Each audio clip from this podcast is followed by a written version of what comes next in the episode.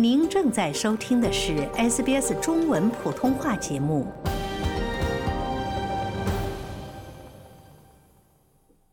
悉尼及中央海岸地区的多个热门海滩和泳池被列为不适合游泳的地点，原因可能是受到污染。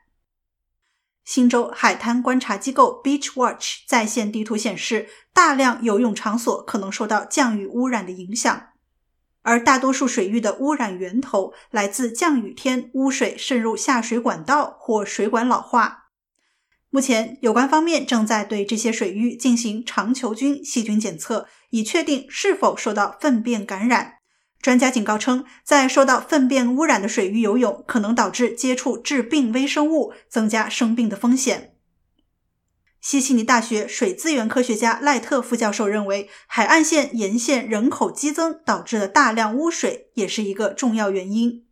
他指出，市区海滩，例如邦迪海滩、布朗特海滩、库吉海滩，由于密集的居住区域，每人每天产生的约两百升污水，增加了污染风险。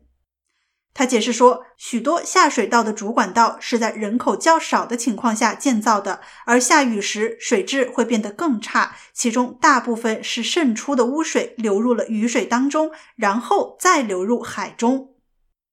本次污染导致悉尼居民游泳可能面临致病的风险，这对于经历了闷热天气的悉尼居民来说不是一个好消息，特别是在近日经历了创纪录的湿度的情况下。昨天，悉尼的湿度甚至超过了泰国曼谷，仅次于新加坡和赤道附近的其他地方。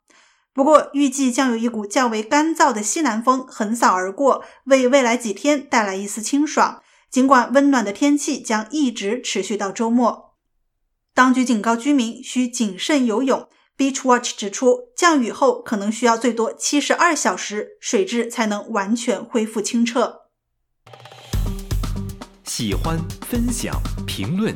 欢迎您在 Facebook 上关注 SBS 普通话页面。